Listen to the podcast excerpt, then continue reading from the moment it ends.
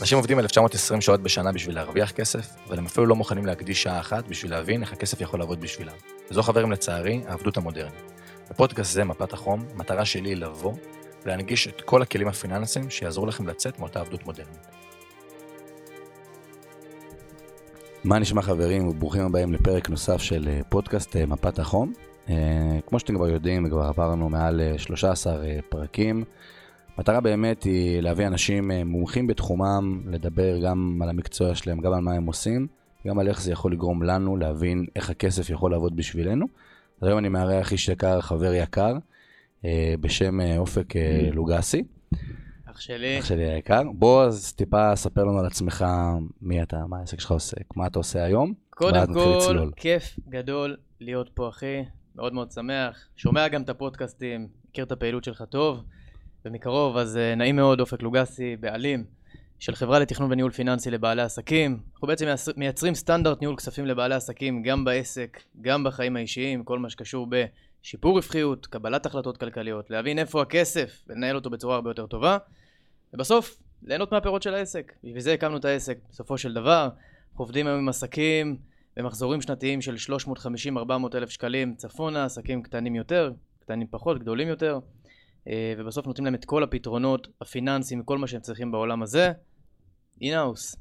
קודם כל מדהים, ואחד מהסיבות העיקריות, אחת מהסיבות העיקריות שגם פניתי לאופק וביקשתי ממנו, והוא נהנה בחיוב גם לבוא לפודקאסט, זה היה בעקבות אירוע שהיה לי שבוע.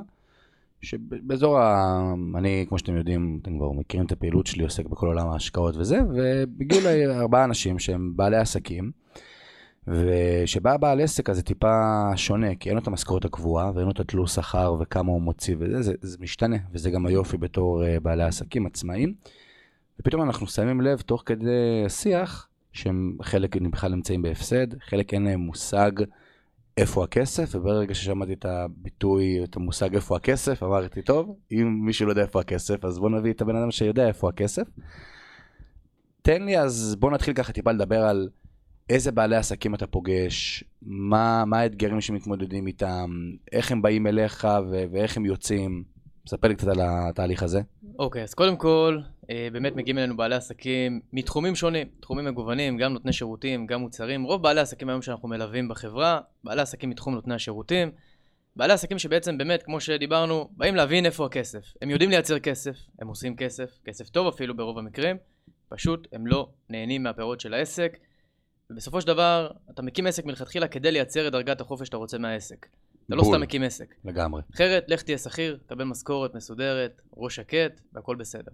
בול. ומבחינתי שבעל עסק מגיע אליי, ואני רואה שהוא עושה מחזורים מאוד מאוד יפים, עם רווח נמוך, אני לא מבין את המהות שלשמה הוא בעצם מקים את העסק, למה הוא מחזיק את העסק, למה הוא לא ישן בלילה. כן. אנחנו גם שנינו הלילה זה פחות ישנו. אבל בסופו של דבר, אה, המטרה היא להבין ולעזור לבעל העסק באמת ליהנות מהפירות של העסק, אז כשבעל עסק מגיע אליך, מה, מה חמשת ה... איפה אתה לרוב, נקרא לזה, רואה את החולשות, את האתגרים שלו? כי כמו שאמרת, זה לא שהבעיה שלו היא בהבאת לקוחות וביצירת כסף, הבעיה שלו זה בלהבין איפה הכסף, איך אני שומר עליו, מה, מה האתגרים שאתה לפעמים מזהה אצל בעלי עסקים שמגיעים אליך? הבנתי, אוקיי, אז קודם כל, אה, בוא נתחיל בזה שבטבע של אנשים, בטבע שלנו כבני, כבני אדם, ואתה בטח מכיר את זה גם מעולם, ה, מעולם ההשקעות, אנשים לא תמיד אוהבים את העיסוק בכסף. הם רוצים שיהיה להם כסף, נכון. הם לא מבינים את המשמעות של להחזיק בכסף. כן. את המשמעות של לנהל כסף. יש לזה הרבה מאוד משמעויות. כן. ובעיקר אצל בעלי עסקים, הפוקוס הוא בדרך כלל על שיווק, על מכירות, מתעסקים בלהביא את הכסף, לייצר את הכסף, אבל אם אנחנו רגע, שוב, מי שרואה אותנו גם, יש בסוף כן. משולש. יש לנו נכון. את השיווק, בצלע אחת, צלע שנייה את המכירות, ובבסיס יש לנו את הפיננסים. ורוב בעלי העסקים שמים את הפוקוס על שתי הצלעות, אבל לא על הבסיס. ואז קורה מצב שהם בונים מגדל מאוד מאוד יפה, מגדל מאוד מאוד גבוה, עם תשתית לא טובה. בול. ואז כשאין תשתית, המבנה רעוע, מתנדנד. מספיק עכשיו איזה נשיפה קטנה בעורף, איזה קורונה פתאום שתגיע. כן. זה השפיע על, אה, לא רק על בעלי עסקים, כן? זה השפיע בכללי על מדינה כן. שלמה, על העולם. אפילו זה עכשיו, מיתון קטן שבפתח. מיתון, טיפה... אתגרים, אה, מצב פוליטי ולא ניכנס אליו. אני חושב שאנחנו בתקופה מאוד מאוד אה, מאתגרת, כן? לגמרי. שוב, לא נצלול לפוליטיקה, אבל בסופו של דבר יש לזה משמעויות. מאוד. יש לזה משמעויות להרבה מאוד בעלי עסקים, אה, ובעל עסק שבסוף לא יעבוד על הבסיס הפיננסי ולא תהיה לו תשתית פיננסית טובה, לא יוכל לצמוח, לא יוכל לגדול, כי ניהול כספים זה באמת אחד ממנגנוני הצמיחה האגרסיביים ביותר היום שיש לבעל עסק בישראל. שוב, זה גם בחיים האישיים וגם בעסק. ורוב האנשים באמת לא רוצים להתעסק בכספים. זה מגעיל, זה לא כיף. נכון. הם לא אוהבים את זה. זה לא סקסי. כאילו, זה סקסי העיסוק בכספים, אבל אנשים פתאום מבינים שהם צריכים טיפה אולי אה, להיכנס לאקסלים קצת, ואולי טיפה להתעסק בנוסחאות. בדיוק. ב... הם גם תמיד זוכרים את ה... אני לא טוב במתמטיקה מהתיכון, ואתה יודע, אני לא רוצה לבוא ולהתעסק בזה. אמ, ואז הם מגיעים ומקבלים שנייה עניין של אה, סדר בכספים ולהבין איפה. אז אם אני עכשיו ניקח מישהו ששומע את הפודקאסט הזה, הוא יושב והוא רוצה להקים עסק, לא משנה באיזשהי תחום, באיזושהי דרך.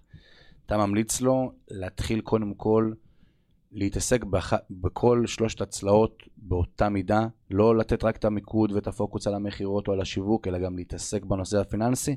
כי אז שהוא יגדל הוא יבין שהיסודות פה לא טובים? תראה, זה בסוף שילוב של הכל. אם לא תמכור, לא יהיה כסף בעסק, לא יהיה מה לנהל. נכון. זה שילוב של הכל. לא תשווק, יהיה לך קשה למכור, שוב, כל עסק וה, אה, והסיגמנט שלו והסוג שלו, אבל בסופו של דבר אנחנו מדברים פה על בעלי עסקים. אנחנו צריכים להתעסק בכל אחת מהמחלקות, לפחות בהתחלה, לפני שאנחנו מבזרים למנהל כספים כזה או אחר, או לבן אדם שיעזור לנו. בול. כמו שהולכים לקמפיינר. כן. אתה לא פותח עסק וביום הראשון הולך לקמפיינר. אתה מתחיל לשווק לבד, קצת שיווק אורגני, קצת מתקדם. מכירות. אתה לא ישר מפנה את הלידים למוקד מכירות. אתה מתחיל לעשות את הדברים לבד, אתה מתנסה במכירות. בעל עסק חייב את היכולת הזאת של מכירות, כמו שהוא חייב גם את היכולת של פיננסים, את העבודה על פיננסים. כן. יש פה בסוף ידע, יש פה בסוף כלים שהם חייבים, הם הכרחיים היום כדי שבעל עסק בכלל יוכל לצמוח ולהתקדם. לא, גם עשית אנלוגיה מדהימה, כי אני יכול להגיד לך, אתה יודע, אני אומנם באתי מעולם הפיננסי, אבל כמו שאתה אומר, בהתחלה אתה לא ישר מביא קמפיינר, ואתה בהתחלה לא ישר מביא איזה איש מכירות שיעשה את הטלפון במקומך, אתה מתנסה בזה בעצמך, אתה מבין, גם שבאתי תוכל לבוא ולהדריך ולהיות על זה במעקב ושמירה, וגם בשביל שתבוא ותבין. אז אני חוזר לשאלה, לשאלה הראשונה, איזה אתגר מרכזי, איפה לרוב החולשה נמצאת? חולשה נמצאת ב, בעלות המכר שלו עבור המוצר, בתמחור הלא נכון אולי, זה נמצא בזה שהוא יותר מדי פזרני, איפה, על מה זה יושב לרוב? יש כמה דברים, אני חושב שאחד הדברים העיקריים הוא דווקא בעולם ה... אולי אני אפתיע אותך, כן? דווקא בעולם התודעה. תודעת כסף חלשה. מה זה אומר? מדהים, אחי. כן, זה אומר שבעלי עסקים, אחי, ובכללי בני אדם. שוב, אנחנו, אתה יודע, נפגשנו עם הרבה מאוד אנשים לאורך החיים. נכון. מגיל קטן ועד גיל מבוגר. יוצא מצב, יכול להיות מצב גם שמגיע היום אליך, בן אדם שבא רוצה להשקיע את הכספים שלו. ואנחנו לא תמיד יודעים מה קרה כשאותו בן אדם היה ילד. יכול להיות שבגיל חמש, אמא שלו אמרה לו לא להרתי כי אין כסף. הדברים האלה דופקים לנו דברים במוח. ומשפיעים עלינו לאורך כל החיים, ואני מרגיש את זה, אני חווה את זה, אני רואה בעלי עסקים שמתקשים לבצע מהלך כזה או אחר, מתקשים עם קבלת ההחלטה. שהיא קבל... הכי חשובה נראה לי בעסק. נכון, קבלת החלטות כלכליות. הרי בוא, אין כן. היום החלטה שלא עולה כסף. שום דבר. אה, שום דבר. once יצאתי מהבית היום בבוקר, הנעתי את האוטו, דלק, נכון? קפה ששתית? קפה ששתיתי בבוקר, כי לא ארגנו לי פה קפה. הנה, הפודקאסט פה שאני, שאני מקליט, כן, כל החלטה כל היא... החלטה עולה כסף. אתה רוצה היום לרוץ מרתון, זה עולה כסף. נכון. הבגדים המיוחדים, המזון המיוחד, מאמן, חדר כושר, כל המעטפת, כל דבר עולה כסף. וואנס, אין לך תודעת כסף חזקה. אתה לא מבין את החשיבות של להבין כסף, של להתעסק בכסף, להסתכל לו בעיניים, בלי לפחד. ושם בעצם טמון הפער. בעלי עסקים מפחדים להסתכל לכסף בעיניים. ברמה שהם לא נכנסים לחשבון בנק, להוצאות שלהם, ברמה הזאת? או שהם כן נכנסים, אבל עושים בריף, אומרים, אוקיי, נראה סבבה, לא מתעמקים, okay. כן. בטח שבטח לא מגדירים לעצמם זמנים קבועים, ואנחנו נדבר על זה גם בהמשך, להגדיר זמנים קבועים ביומן להתעסקות בפיננסים. נכון. סלוט שנקרא, סלוט ממש, חתיכה ביומן שנקראת זמן עבודה על פיננסים. זה must. כן. זה must. לפחות פעם, פעמיים, שלוש פעמים. כן. תלוי בהתנהלות השוטפת של העסק. אני שנייה אתעכב על, על מה שאמרת פה, על, על הסלוט של ההתעסקות בפיננסים. אני זוכר שאני ממש בהתחלה, היה לי תקופה שפתאום היה לי איזה פיצוץ ברמת ההכנסות ברמה העסקית, ואז מגיע מצב שהרואה חשבון, שאגב אנחנו גם נדבר עליו כמה זו דמות מרכזית אה, בעסק, כל העניין, פתאום, אתה יודע, שילמתי מקדמות לפי רמת הכנסה מסוימת, ולא שילמתי ביטוח לאומי, הייתי מבוטח לפי משהו אחד. ואז פתאום הוא בא, אומר לי, תשמע, יש לך, הגיע סוף 2020. יש ו... לך חוב? כן, יש לך חוב, ואז אני שואל אותו כמה החוב. הוא אומר, אה, באזור ה-50. אני כזה אומר לו, עכשיו, היה לי את הכסף בצד, לא היה מיועד לכיוון של, אתה יודע, לשלם לכל רשויות המס במדינה. רצית להשקיע אותו? כן, כזה. ואז פתאום אני כזה תופס לעצמי עצמי בקטע של וואלה, כי הרבה בעלי עסקים גם, אתה יודע, סומכים על ה... אה, יש לי רואה חשבון, זה, הוא יעשה את זה, זה, זה תפקידו. רואה החשבון הוא לא מנהל כספים, ומי שעוקב אחריי היום באינסטגרם רואה כמה אני מדבר על הדברים האלו. רואה חשבון הוא לא מנהל כספים, אתם משלמים לו בקושי 400 שקלים, פלוס מע"מ בחודש, בול. כעוסק מורשה, אני רגע שם בצד חברות. מה אנשים מצפים? מה בעלי עסקים, לעזאזל, מצפים מרואה החשבון? שהוא יציל להם את העסק? מה? זה לא, זה גם, וזה בדיוק זה, גם אחרי שהבנתי, אמרתי לעצמי, מה אני בכלל בא לרואה חשבון שלי, כמו שאמרת, אני חושב, אני חושב על עצמי, בסוף אתה יודע, מה אתה משלם לו, 400 שקל בחודש, יש לו, יש לו כמוך מאות, אתה מבין? איזה כאילו, הוא גם לא יכול להתמקד על הדבר הזה. גם יש לו תפקיד אחד, בסוף כן לעבוד איתך על עניין המיסוי, כן לדאוג לך מול רשויות המס, אבל, כמו שאתה אומר, ברגע שיש לו, לו הרבה מאוד לקוחות, ואתה לא בפוקוס שלו, אתה מבחינתו פישר, אתה דג קטן בים. נכון, אתה לא איזה עסק עכשיו, אה, אתה יודע, הוא רוצה לתת לו את מלוא תשומת הלב. ברור. לא בהכרח. כן, כמובן, תלוי רואה חשבון, אני לא מדבר באופן גורף, יש טובים יותר, טובים פחות. נכון, כמו בכל תחום, כמו בכל כן, אה, תחום עיסוק. ובסופו של דבר, כשבעל עסק היום לא צולל למספרים, ולא מתעסק ושואל את רואי החשבון בשוטף, לא מחכה לסוף שנה ומופתע, כמו שקרה לך שיצא שם מצב שנוצר לך חוב. נכון, אבל once, אם היית לאורך הזמן מבין מה לשאול אותו ואיך להתנהל מולו, והיום אני מניח שקיבלת את כן. התובנות, המסקנות שלך להמשך, לגמרי. כדי למנוע מצבים דומים בעתיד, אז הדברים האלה היו יכולים להימנע. ושוב, יש פה גם עניין של ניהול כלכלי שוטף. כן. כי once אתה מנהל את הדברים, בצור, את, האופ- את ההתנהלות הכלכלית בצורה טובה, בשוטף, אתה יכול להימנע מטעויות מהסוג הזה, לגמרי. ומהפתעות כאלו. אז מה המיקוד היום, שלפי דעתך בעל עסק, ואני בכוונה שם על העניין הפיננסי, צריך להיות לו שהוא מתחיל להקים את העסק. כי כמו שאמרת, גם אנחנו רואים את זה ברחבי המדיה, תמיד מדברים, וגם רואים את זה בכמות האנשים שמציעים את השירות. כמה משווקים יש? כמה קמפיינרים יש? כמה אנשי מכירות יש?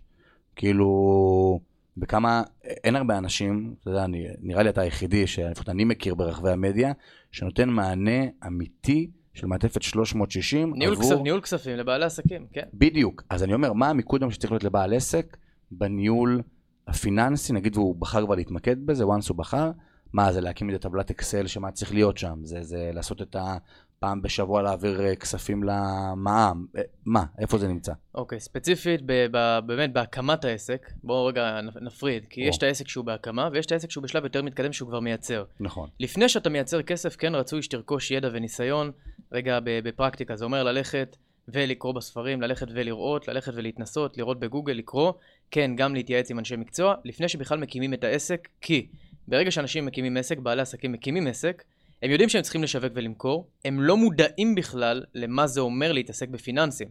ולפעמים בהסתכלות אחורה הם אומרים, מה עשיתי לעצמי, או מתחרטים על זה שהם נכנסו לעולם הזה. ולא מבינים שרוב העיסוק הוא בפיננסים. כן. אתה סולק בן אדם בכרטיס אשראי, הוא מציע לך העברה בנקאית, אתה מוציא חשבונית. כל הדברים האלה זה פעולות שקשורות בפיננסים. כן, תקצובים בעסק, עבודה עם תזרים מזומנים. כמה מהאנשים שצופים בנו באמת מנהלים תזרים מזומנים? נכון. מעט מאוד. כמה אנשים בכלל בתור בעל עסקים יודעים את תזרים מזומנים? נכון, מבינים, חושבים, אנשים חושבים תזרים מזומנים, לפעמים אנשים באים אליי ואומרים לי, כן, אני רואה בחשבון בנק, הנה, מראים לי את האפליקציה, כן, אה, תזרים מזומנים. כן. לא, תזרים מזומנים זה לא כמה כסף יש לי בחשבון. כן. תזרים זה- מזומנים, אם כמה כסף יש לי בחשבון, בסדר, הבנק נותן את הפתרון, אומר כמה יש כרגע. תזרים מזומנים זה בעצם כדור הבדולח שלנו, זה היכולת להסתכל קדימה ולתכנן. נכון. ואם אין לנו את הידע, את הכלים, לעשות את הדברים האלה, לדעתי אנחנו לא יכולים היום לנהל עסק בישראל, והמלצתי באמת לכל בעל עסק, בטח בהקמה של העסק, לבוא ולהתמקד בכל מה שקשור בלצבור כלים, בלצבור ידע, ובלהבין לפחות את הבסיס, רגע של תזרים מזומנים, תקציבים מסודרים כדי לא להתפזר, קצת רשויות המס, סוגי מיסים שקיימים, למי אנחנו משלמים, כמה אנחנו משלמים, כמה אמורים עובד? בכלל, איך זה עובד? כמה אמורים, איך להתאים, איזה מקדמות אני צריך לשלם, האם אני פטור, מורשה? יש כאלה שמקימים ישר מורשה, נכון. כאלה שמקימים פטור, זה לא באמת קריטי, עוד פעם, כל אחד, אה, אפשר לדבר על זה גם, אבל בסופו של דבר, יש משמעויות לעוסק אומר- פטור ועוסק מורשה. כן, אני תמיד אבל אומר שעוסק פטור הוא פטור מצמיחה. אה, מבחינתי עוסק פטור זה, ה- זה חבר'ה שפשוט מפחדים לקחת על עצמם, אם כבר הקמת עסק, הכל טוב, אם אתה עכשיו איזה שכיר ורוצה להקים איזה עסק אה, פרטי מהצד, שלא יודע, לימודי שיעורי כן. מתמטיקה, פנן, תקים פטור. אבל אם עסק זה מה שאתה קם ועושה כל בוקר, ואתה מקים עוסק פטור, וואלה, צר לי, אבל אתה בינוני, בינוני ומטה, ואני אומר את זה בהכי, בהכי חד שיש, כי אני תמיד אומר, עסק פטור הוא פטור מצמיחה ולא פטור ממשהו אחר. זה, ה... נכון? זה העניין. או פטור, אנשים כאילו אומרים, המע"מ, המע"מ. אה, נו, המע"מ. בסוף מס הכנסה וביטוח לאומי עדיין משלמים. המע"מ, ה-17% שאתה כמובן יכול להכניס אותם בתוך התמחור, נכון. להעלות את המחיר בהתאם, אתה לא מרגיש את זה בסופו של דבר, אני דווקא מסכים מאוד עם הגישה, כמובן, אלא אם כן, אתם גם שכירים במקביל וזה משהו מהצד, אם אתם הולכים all in לעסק והחלטתם שאתם מקימים עסק, תקימו ישר עוסק מורשה, תבינו כבר את כללי המשחק, תבינו איך להתנהל מול רשויות המיסים, מול רואי החשבון. כעוסק מורשה אתם נתקלים הרבה יותר ברואי החשבון מאשר כעוסק פטור, שבגדול זה פעם בשנה או לאורך השנה אם רואי החשבון שלכם מגדיל ראש והוא אקטיבי. כן. אה, אבל אה, כן. זה בדיוק הדברים האלה. אני אלך שנייה ל... לעולם שאני רוצה שתעשה לי בו סדר בדמיון, בשוני ו... ודומה. העולם של הייעוץ העסקי, דיברנו על זה ככה בפרגיים עוד לפני שהתחלנו לבוא ולהקליט, שהיום אני מכיר חבר'ה שלי שהלכו לעולם הייעוץ העסקי, והוא עולם שמתמקד בעיקר במה? אני, אני שואל שאלה. ייעוץ כי... עסקי? כן, כאילו ייעוץ עסקי, והאם זה לא דומה לייעוץ פיננסי? אתה מבין מה אני אומר? האם זה לא דומה לניהול ניהול הכספים? אז מה? קודם כל לא. סבבה, מעולה. אז קודם כל לא. אה, בואו בוא נגיד רגע מה זה ייעוץ עסקי. בסוף, שוב, יש הרבה יועצים עסקיים טובים יותר, טובים פחות. עוד פעם, כמו בכל מקצוע. נכון. והשוק היום שוחק, כמו שאתה אומר גם, אה, אתה יודע, אתה היום פותח את האינסטגרם, אתה, אתה גולל הופ יועץ עסקי, הופ עוד יועץ עסקי. אתה לא באמת כן. תמיד יודע גם מי יותר טוב ומי פחות טוב, והמטרה היא בסוף לא לבוא ולהוריד יועצים עסקיים, יש יועצים עסקיים באמת טובים ומעולים. כן. אבל יועצים עסקיים, יועצים עסקיים, יתעסקו איתכם בהגדלת מחזורים, בעיקר. הם כן ייגעו איתכם גם ברווחים בסוף, כי מה לעשות, זה חלק מבניית העסק. נכון. יעבדו על שיווק, יעבדו על מכירות, איך אפשר להגדיל, להגדיל את העסק, אולי לגייס כוח אדם. הם כאילו יסתכלו ברמת המאקרו על כל אחת משלושת הצלעות. אפשר להגיד שכן, שוב, כל יועץ עסקי בוחר לשים את הפוקוס יותר על שיווק, יותר על מכירות, כל אחד והמומחיות שלו, הדברים שהוא יותר שם עליהם את הפוקוס. סבבה. כמה מהיועצים העסקיים באמת שמים את הדגש על תחום הפיננסים בעסק? מעט מאוד, ואני יודע את הדברים האלה כי פונים אליי גם היום ומתייעצים ושואלים, אני גם היום הולך לכיוון של להשתלב בתהליכים של ליוויים עסקיים, כן. מתוך הבנה שאותם יועצים עסקיים מתקשים לספק את החלק הזה של הפיננסים, וזה בסדר. נכון, זה לגיטימי. עוד פעם, זה לא התפקיד שלהם. הם כן צריכים, אין יועץ עסקי היום שלא צריך להבין בפיננסים, אפילו טיפה. כן. ומי שלא, מבחינתי חוטא בתפקידו. צריך פה איזושהי הבנה בסיסית, צריכה להיות פה התעסקות. אבל אם לא מתעסקים בזה בכלל, זה, זה באמת אסון שעשוי לקרות בהמשך, כי ברגע שאתה רק מייצר כספים, אתה רק מביא כסף הביתה ולא יודע לנהל את מה שנכנס, אתה עשוי להיות בבעיה. הכסף הזה יכול לעבור לך פשוט בין האצבעות, בגלל שהוא לא נשאר במקום הנכון ומושקע במקומות הנכונים לאורך זמן, הוא ילך לאיבוד, ואז כביכול ייצרת כסף לשווא. אין פה איזושהי תוכנית, אין פה אסטרטגיה כלכלית ברורה, מה אני עושה עם הכסף, מתי, כן. כמה אני נשאר בכיס גם. גם הרבה, אני, אני מכיר הרבה אנשים שהם גדלים במחזורים, אבל הם לא גדלים ב, ברווח, ותמיד כשאני רואה גם אנשים באינסטגרם, לא יודע, מעלים, אה, עשיתי מחזור של 2 מיליון שקל. נו, אז הנה, אני אתן לאופק מיליון, אופק יחזיר לי מיליון, אופק יחזיר לי 2 מיליון ואני נתתי לו 2 מיליון, אז עשיתי מחזור של 2 מיליון שקל. זה לא, זה לא הרווח שלי. נכון. וזה הבדל משמעותי בהבנה השנייה של איך הדברים האלה עובדים. אז בואו נעשה שנייה סדר ב... ניקח קצוות, מה, מה קורה בשרשרת בין המחזור לבין הרווח הנקי. מעולה. כל השרשרת הזאתי. קודם כל, בהמשך למה שאמרת, בסוף, אה, המחזור לא מרגש. נכון. המחזור לא מרגש. לפעמים באים אליי בעלי עסקים, אומרים לי, כן, עשיתי מחזור 300, 400 אלף בחודש, עשו הרבה כסף. כן. אבל אז אני מבין שבדרך עוברים, קורים הרבה מאוד דברים ששוחקים להם את שורת הרווח. ולא משאירים אותם עם מספיק כסף בכיס. נכון. מה הדברים האלה שעוברים בדרך? בואו נדבר עליהם. כן. יש לנו בסוף את המחזור, כמה מכרנו. נכון. בסדר? כמובן, יש פה משמעויות גם לכמה תמכרנו את אותם מוצרים שמכרנו, כמה מכרנו, שיווק, מכירות, שם את זה בצד. לא מהות הפודקאסט. נכון. אבל בואו נניח שמכרנו ב-X כסף, מכרנו ב-100 אלף שקלים. כן, כמובן, כשאנחנו מדברים על מחזור, אנחנו מדברים לפני מע"מ. אגב, זו עוד נטייה של הרבה מאוד בעלי עסקים. עשיתי מחזור, הם מדברים איתי כולל מע"מ. מה אתם רוצים? המע"מ הוא לא רלוונטי, המע"מ הוא לא שלי, הוא לא שלך, הוא של מדינת ישראל היקרה, כן. הוא לא שייך אלינו. לגמרי. ולכן כשאנחנו מדברים מחזור, בואו נתחיל רגע בזה, מדברים מחזור, כמה עשיתי לפני מע"מ. once יש לנו את המספר הזה, בדרך אנחנו עוברים הרבה מאוד דברים. יש לנו עלויות של גלם, לצורך העניין אני הופעת עוגות, יש לי עלויות של מצרכים, קמח, ביצים, התבניות עצמם, יש פה הרבה מאוד עלויות גלם בדרך. אם אתה נותן שירות, אין לך הרבה עלויות גלם. נכון. נכון, אתה נותן שירות. מה הגלם שלך? אלא אם כן נתת איזה, במקרה שלך אתה גם נותן שקית מאוד מאוד יפה עם מחברת, עם עט, אתה כן. מחלק את הלקוח. זה עלויות הגלם של העסק שלך היום. נכון. עלויות יחסית נמוכות כן. ביחס לשירות. זה כביכול עלות המכר, כמה עולה לתמחר את המוצר שלי. נגיד, נכון. רופאת עוגות, אני טיפה אקשר את זה לחבר'ה שמתעסקים בהשקעות ומבינים את זה, זה כאילו הרווח הגולמי, בסדר? שזה עלות המכר שלנו. לקחתי לצורך הדוגמה, מכרתי ב-100 שקל, אבל עלות המכר שלי היא 80 שקל, אז נשאר לי 20. זה כביכול הרווח נכון, הגולמי. אנחנו מדברים פה על גלם, בדיוק. סבבה. על גלם, כל אחד והגלם שלו. עסק של נותן שירותים, אין סיבה שיהיו, שיהיו לו עלו, עלויות גלם שהן גבוהות. כי... אין גלם, הוא לא מוכר. נכון. שף בשרים, יש לי גם לקוחות מתחום המזון. בסוף מוכרים את הסטייק אנטריקוט, את הטומוק, את כן. הבשרים האיכותיים. זה עולה כסף, וזה שוחק לו את הרווח הגולמי, אבל אין מה לעשות, זה סוג העסק. נכון. מן הסתם, התמחורים גם בהתאם לזה משתנים והם מותאמים. השלב הבא בשרשרת, אחרי שדיברנו רגע על הגלם, יש לנו בעצם את עלויות התפעול. בתוך עלויות התפעול אנחנו מדברים על, קודם כל, שכר. זה יכול להיות שכר עובדים, בין אם זה פרילנסר, בין אם זה שכיר, לא משנה, שכר עובדים. זה גם כאילו שכר ספקים. גם ספקים אני די, מכניס פה? הספקים, לא, הספקים נכנסים גם בתוך התפעול, אבל אני רגע מדבר לא על שכר ספקים. סבבה, שכר עובדים. שכר משכורות, בדיוק, עובדים ואני. כן. עכשיו, בואו נתעכב רגע על הנקודה הזו, על עניין השכר, כי זה נכון. אירוע מעניין. קל לנו לשלם קודם כל, לספ... סליחה, לעובדים, לאנשים שאנחנו מחויבים אליהם, קודם כל להוציא את הכספים, בסוף לגלות שאנחנו נשארים בלי כלום. ואז אנחנו לא שואבים משכורת מהעסק. או שלוקחים משכורת מהעסק ויותר מדי. זאת אומרת, יש פה שתי קצוות מאוד מאוד מרוחקות. או שאנחנו לא לוקחים כספים מהעסק, או שאנחנו לוקחים יותר מדי מהעסק. כן, ואז אנחנו... בשני המקרים, אנחנו פוגעים במישהו, או בעצמנו, כי אנחנו לא לוקחים לעצמנו ודואגים לעצמנו ומותשים, והמוטיבציה גם יורדת. כן, בוא, אנחנו עובדים קשה, עושים כסף, בסוף אין משכורת לבעל העסק.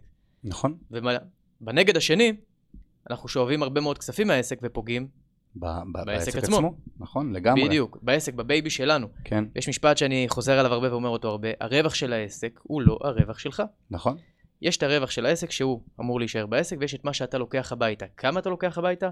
יש הרבה דרכים למדוד ולהבין כמה אתה צריך בצורה מדויקת וכזאת שלא פוגעת בעסק. נכון. ואני אתעכב עוד יותר על הדבר הזה, שכמו שאמרת, לרוב גם אני מכיר המון בעלי עסקים, שהם באמת רואים שהם, המחזור שלהם גדול, אתה יודע, הם באמת עובדים קשה, מהבוקר עד הערב, בין אם זה תוכניות הכשרה, ובין אם זה נותני שירותים, או אפילו, אתה יודע, מוכרים מוצרים, הם כל היום מטרטרים, ובאמת רואים, אתה יודע, הם רואים העברות, 6, 7, 8, מגיע סוף החודש, ואין כלום. והם לא מבינים כאילו מה זה, קורה. זה נקרא, אתה יודע, אני, אני קורא לזה, נתתי לזה איזה שם. זה נקרא, כאילו, לא שם מיוחד, כן, זה נקרא פשוט, אה, פשוט בעל עסק שנמצא באופוריה. הוא מרגיש שהוא על גג העולם. נכון. אני חווה היום לא מעט בעלי עסקים שמגיעים אלינו לחברה ומדברים איתי עוד פעם על המחזורים, שהם רואים כספים בחשבון בנק ופשוט בפעם אחת הם ב peak מאוד מאוד גבוה, הרגש גבוה. למי לא כיף שיש לו הרבה כסף בחשבון הבנק? נכון. וואלה, התרגשות, מה, הרבה כסף נכנס, כן. אבל בגלל שהם לא מתוכננים קדימה, בגלל שהם לא יודעים לנהל את הכספים, הם פתאום קולטים את הכסף הזה הולך ויורד, הולך ויורד, הולך ויורד, ובסוף הם נשארים בלי כלום. נכון. ואז הם חיים גם באיזשהו מדד רגשות כזה מאוד מאוד קיצוני, הם פעם אחת בהייפ, פעם אחת בשמחה, פעם אחת הם בעצב, פעם אחת הם בשמחה, ממש רכבת הרים, גם של רגשות וגם בכספים. כן. רכבת הרים בכספים, זאת אומרת כסף נכנס, כסף יוצא, מעין איזשהו לופ, בדרך כלל מייצר לבעל העסק חוסר שקט. נכון. בעל העסק לא ישן טוב בלילה.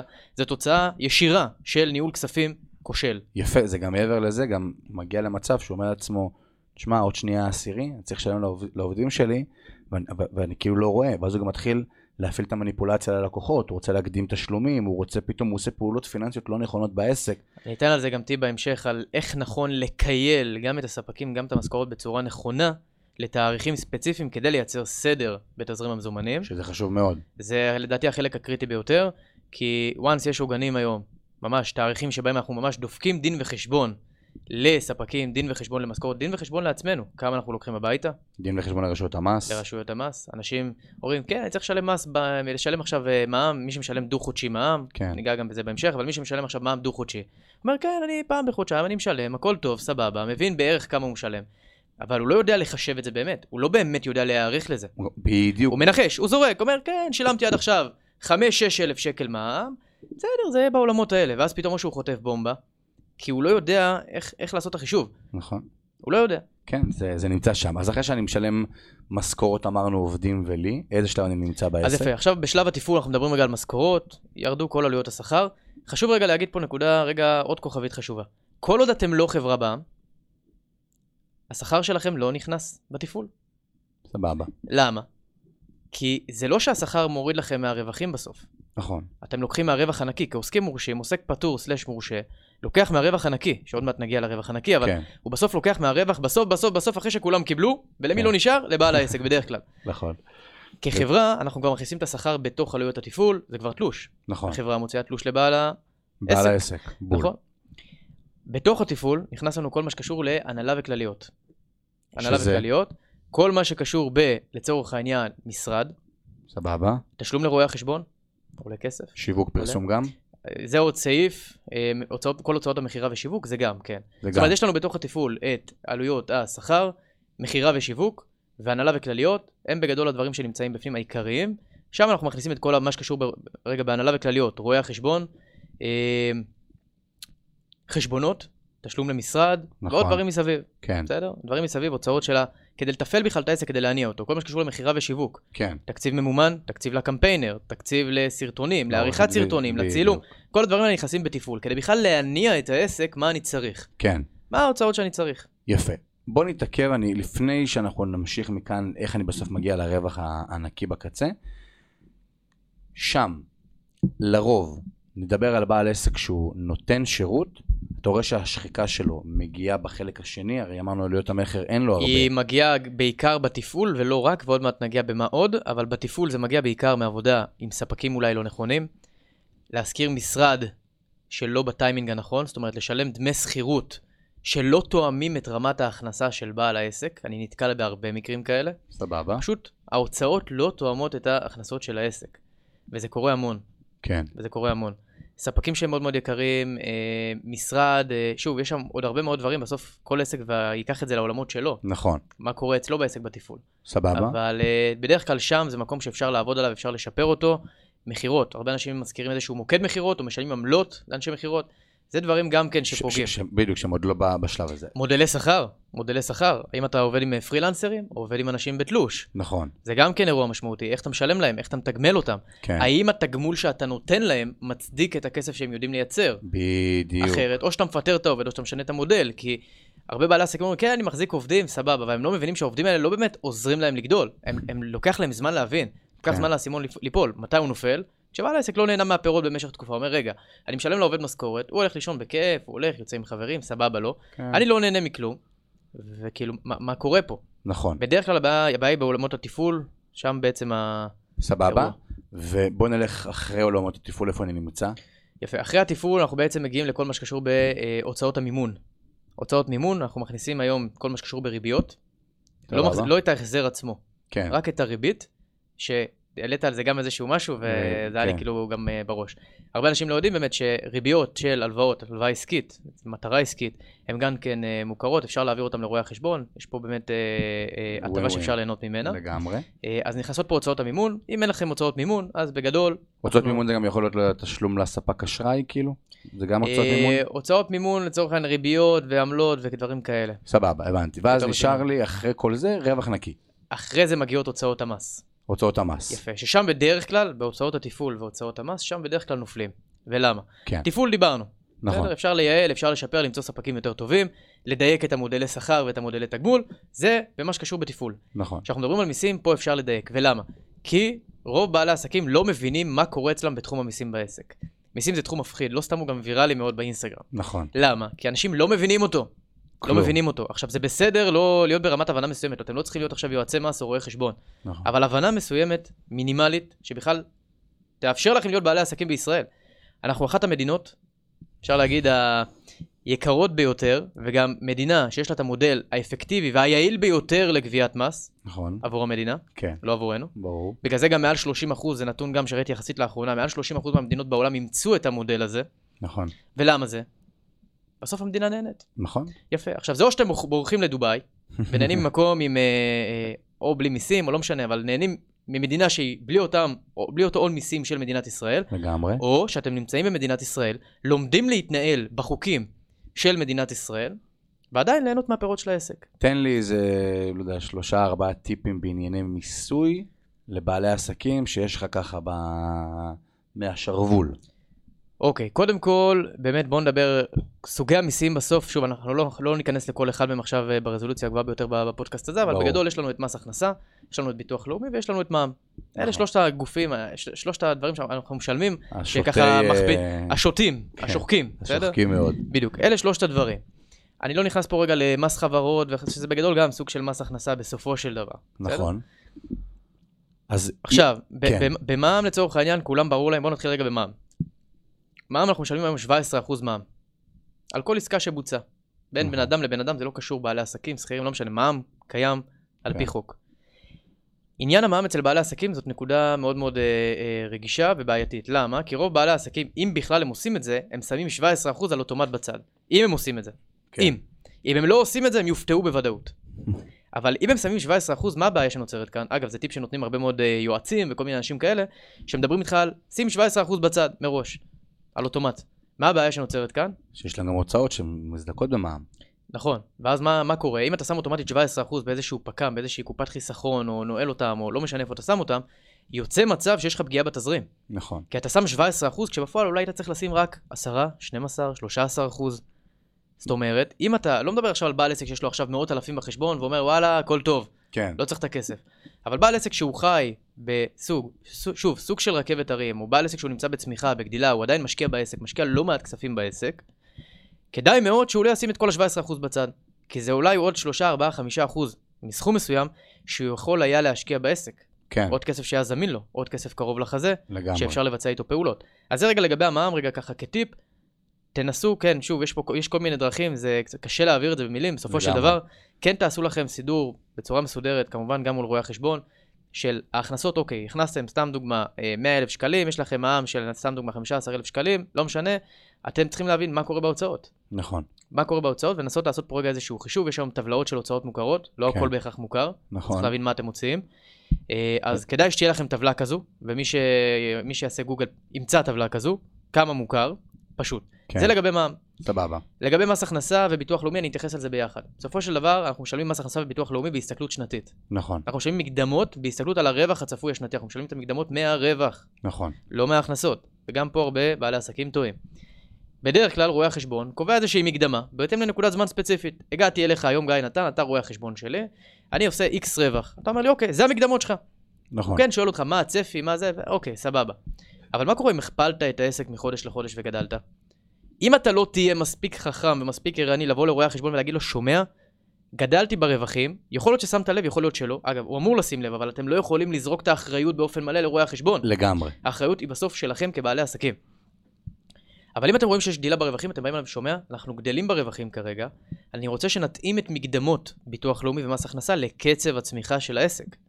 שזה מאוד חשוב. שזה מאוד מאוד חשוב, כי אחרת יצטבר חוב מאוד מאוד גדול בסוף השנה, כי שוב אנחנו מסתכלים ברמה שנתית. נכון. או שבאותה מידה שילמתם, כאילו, בצד השני של הסקאלה הזו, שילמתי יותר מדי, ואז אני מקבל החזרים. וגם כן. יש פה איזושהי נטייה, אני שומע את זה הרבה, כן, מה, שאני אשלם הרבה. מה אכפת לי? אני אשלם הרבה, אני אקבל החזרים, איזה כיף לקבל מתנה בסוף שנה. גרוע מאוד. כי? כי למה אני רוצה לקבל החזרים? אני רוצה נכון, את הכסף אצלי. נכון. למה אני רוצה לתת אותו ואז לקבל אותו? מה עשיתי בזה? אני רוצה שזה יהיה חלק מהפעילות השוטפת שלי. בין ברור. אם זה השקעות, בין אם זה פיתוח של העסק. ברור, זה יכול להיות עוד כמה אלפי שקלים שיכולתם לשים בהשקעות, או בתוך העסק, או מחוץ לעסק. אבל זה כמה אלפי שקלים שנתתם לרשויות המס, סתם. נכון. סתם כי לא הייתם מספיק ערניים, לא הייתם מספיק חדים, ולא ביקרתם את רואי החשבון. והדברים הקטנים האלה, ואני בכוונה שם על זה דגש, זה בדיוק הדברים הקטנים האלה שבעל עסק צריך לשים לב לזה. כי כמו שאמרת, הוא אומר, יאללה, מה זה משנה? אני אשים 17% באיזה פק"ם. מה זה משנה? אני אשים, משלם יותר מקדמות לביטוח לאומי. לא, לא, זה לא יאללה, כי הדבר הזה, זה מה שהופך עסק מעסק חובבני, ואתה אחלה גבר ואתה נותן אחלה של שירות, ויש אחלה של מחזורים, לעסק, שגם אם הוא לא יגיע לאותם מחזורים כמו החבר שלו, יהיה לו רווח הרבה יותר גדול. סטנדרטים, אני מאוד מאמין בסטנדרטים, אתה יודע את זה, כן. סטנדרטים כן. מאוד מאוד גבוהים, אה, לישון טוב בלילה, להיות בשליטה, אלה דברים חשובים. בעל עסק היום רוצה סדר, ודאות, ביטחון, במקסימום, כמה שניתן. מאוד קשה כבעלי עסקים, נכון. אבל כמה שניתן. אנחנו רוצים לייצר ודאות בתוך מרחב אי-הוודאות, ככל הניתן. נכון. איך עושים את זה? על ידי הבנה של המספרים, על ידי תכנון נכון שלהם, על ידי הבנה של מה צפוי לי. אני לא סובל הפתעות, אני רוצה תמיד להיערך ולתכנן כמה שאפשר. תמיד יהיו הפתעות. תמיד. אבל בואו נעשה את זה בצורה חכמה, בואו נצמצם את כמות ההפתעות שיכולות לפגוש אותנו בדרך. לגמרי. זה ה... זה? עוד... אה, עוד דבר לגבי אה, מס הכנסה דיברנו ברמה השנתית, אירוע חשוב. לגבי ביטוח לאומי, כאילו, שניהם משלמים מקדמות ברמה השנתית, רווחים שנתיים. נכון. לגבי ביטוח לאומי יש פה עניין חשוב. הרבה בעלי עסקים לא יודעים שביטוח לאומי, על מה אנחנו משלמים? על ה... ב... זה ביטוח בסוף. כן. ביטוח. לא ניכנס עכשיו למה אני חושב על ביטוח לאומי ועל הגוף הזה ששואב מאיתנו הרבה מאוד כספים. עוד פעם, אנחנו חיים במדינת ישראל. לא טוב, בואו נעבור לדובאי. אבל נכון. אנחנו רוצים כן ללמוד להתנהל בתוך מגרש המשחקים שהגדירו לנו. כן. כמה שניתן. לגבי ביטוח לאומי, יש פה אירוע חשוב. מקדמות ביטוח לאומי, אנחנו משלמים אותם כדי להיות מבוטחים על סכום רווחים מסוים. זאת אומרת, שוב, אני נותן פה רגע איזשהו טווח מספרים, בערך כן. 800-900 שקלים, אמורים לבטח אותנו על עשרת אלפים שקלים רווח, פחות או יותר. כן. 900, 1,000 שקלים, זה, זה העולמות. זאת אומרת, once שילמתי 300 מקדמות, מי שפה שומע אותנו עכשיו ומשלם 300 שקל מקדמות לביטוח לאומי, צריך להבין שהוא מבוטח על סכום מאוד מאוד נמוך. שאם חלילה כרגע הוא יושב בבית, הוא מושבת, קרה לו איזשהו משהו, הוא בבעיה. נכון. יש עוד ביטוחים, כמובן, לא ניכנס פה לעולם הביטוחי היום, כן. אבל יש עוד ביטוחים ועוד הרבה, עוד ניהול סיכונים שאפשר לעשות כחלק מהניהול סיכונים של בעל עסק, אבל, אגב, גם ניהול סיכונים בהשקעות, סיים סיים, אנחנו בסוף רוצים לגדר את הסיכון. לגמרי. כמה שאנחנו בעצם אה, אה, מבינים שצריך להגן על עצמנו ועל דברים שעשויים לקרות. אז בסוף ביטוח לאומי, אם אנחנו לא נשלם את המקדמות שאנחנו צריכים לשלם, אנחנו לא נהיה מבוטחים. אבל מה כן נעשה? בסוף, בסוף כן נשלם את ביטוח לאומי. כן. זאת אומרת, אני רגע אחדד את הנושא הזה, אנחנו משלמים מקדמות ביטוח לאומי עבור ביטוח על רווח מסוים שאנחנו עושים. אם לאורך השנה שילמנו מקדמות נמוכות מאשר היינו צריכים לשלם, אנחנו גם לא מבוטחים, וגם נגיע לסוף השנה ונשלם את כל מה שלא שילמנו ברטרו. נכון. ואז יצא שזרקנו ממש כסף לפח, ולמה? כי אנחנו משלמים את הכסף ולא מבוטחים. כן, זה... זה, אחר- זה... אתה, מש... אתה מבוטח על מה שאתה משלם כרגע. כן. אם אתה משלם בסוף שנה, אתה לא מבוטח ברטרו. אתה כן. פשוט משלם כי צריך. כן, וגם על הביטוח הזה יש לי עוד המון מה להגיד, כמו שאופק נגע בזה מקודם, שגם בתור עסקים, אה, ניקח עסקים מורשים, כי חברות זה טיפה שונה, אבל עניין פה של אתה משלם ביטוח לאומי ואתה אולי מבוטח על לא יודע מה, אבל אני יכול להגיד סיפור שקרה לי, מילואים ראשונים שעשיתי לפני איזה שנתיים וחצי, שלוש. אה, יושב שם, הייתי עוד אה, עוסק מורשה בתחילת דרכי, ולא הייתי מבוטח. הייתי מבוטח, כמו שאופק אמר, על סכום 180 זה המינימלי, אם אני לא טועה, הייתי מבוטח על סכום של איזה 350, משהו מאוד מאוד נמוך. אמ, ואז אני מקבל את ה... והרווחתי, צריך להגיד, הרווחתי, הרווחתי שהייתי צריך להיות מבוטח לפי 1,000, 1,250, משהו כזה. ואז הגעתי לסיטואציה שאני מקבל את התשלום של המילואים, ואני מקבל תשלום, סליחה על הביטוי, מעליב, ואני שומע חבר שלי, שהוא בכלל סטודנט, כאילו, הוא, הוא, הוא אפילו עובד ב- ב- במלצרות, עושה גם מילואים, מקבל פי שתיים ממני. ואז אני לא מבין מה, ואז אני בא לרואה חשבון שלי, וכמו שאמרתי, אין לי יכולת לבוא ולהאשים את הרואה חשבון שלי, ואז פתאום הוא אומר לי, כן, תשמע, היית מבוטח תחילת שנה, אנחנו, זה היה בינואר, היום אנחנו כבר בספטמבר, גדלת והכל, ולא הקדמתי את הדבר הזה. ואז מה קרה? סוף שנה שילמתי את כל, ה, כל ההפרש. תשים זה- לב, אתה, אתה באת אליו עם אה, אירוע שקרה, כן? אתה לא הערת אותו קצת. כן, אבל צריך, אה, עוד פעם, להעיר את הרואה חשבון, זה צריך לקרות כל הזמן, צריך לקרות בשוטף. לא ברמה היומית, אל תציקו לו, אבל אתם כן צריכים להבין, כן לעשות איתו התעד- התעדכנויות, כן לבוא ולבקר, כן לשאול את השאלות הנכונות, ואם דברים, כמו שעכשיו סיפרת על המילואים, דברים כאלה קורים לכם, ישר תרימו דגל אדום. ישר תנסו להימנע ממקרים כאלה. נתקלתי בלא מעט מקרים של בעלי עסקים עם חובות שהצטברו להם לסוף שנה, וזה פתאום, אתה יודע, בעל עסק פתאום, וואלה, סוף שנה מגיע, מגיע לפיק הכנסות מאוד מאוד יפה, ופתאום מגלה, וואלה, יש לי איזה חוב לאיזה ביטוח לאומי, מס הכנסה של 30, 40, 50 אלף שקל, קרה לי גם כן, מקרים שאנחנו מלווים, שרק הגיעו אלינו, ופתאום אני אומר, רגע, רק התחלתי איתו תהליך, כבר הוא מקבל את הבומבה הזו, אתה מבין? וזה לא כיף, זה זה לא ממש כיף וזה פוגע. לגמרי. אמ, אז כאילו שתמיד אומרים, ניקח אירוע שקרה לאחרונה עם עסק מאוד מאוד מפורסם אה, בתחום, אה, אל תנקוט בשמות. בדיוק, בתחום, אה, בתחום הכושר, שראינו שהוא מה שנקרא, נקלע לחובות והכל. יכול להיות שהדבר הזה, וגם מתוך חקירה ושנייה הבנה שאני, ובדרך לא דרך הצלחתי להגיע שם להבנה של מה שקרה, פשוט הייתה, דיברנו על זה מקודם, גדילה לא נכונה בסניפים, מבלי לעשות כדאיות כלכלית של האם הסניף הזה אכן מכניס לי, כי איזה עסק שיש לי סניף בבאר שבע, והלאה, יש גם גיא נתן בעם בחיפה, אבל הסניף בחיפה הוא לא רווחי לי, וזה משהו שהוא טיפה משתנה ושונה. אז כמה מהעסקים שאומרים, "אה, ממוצע העסקים נסגרים אחרי שנתיים. רוב העסקים לדעתך, הרי זה עסקים שמרוויחים, הרי אם לא הם לא היו בכלל חיים שנתיים. זה קורה בגלל ניהול פיננסי לא נכון של הדברים שלקחנו כאן, או מאיזה סיבה ב... בהבנה שלך, ב- בראייה שלך על הסיטואציה הזאתי? תראה, אני חושב בסופו של דבר שזה שילוב של דברים, זה לא רק. נכון שרוב בעלי העסקים, אגב, בסוף נופלים מניהול פיננסי לקוי. וזה מדהים גם לראות שעסקים אה, גדולים, גדולים מאוד, גם הם לא מתנהלים כלכלית נכון.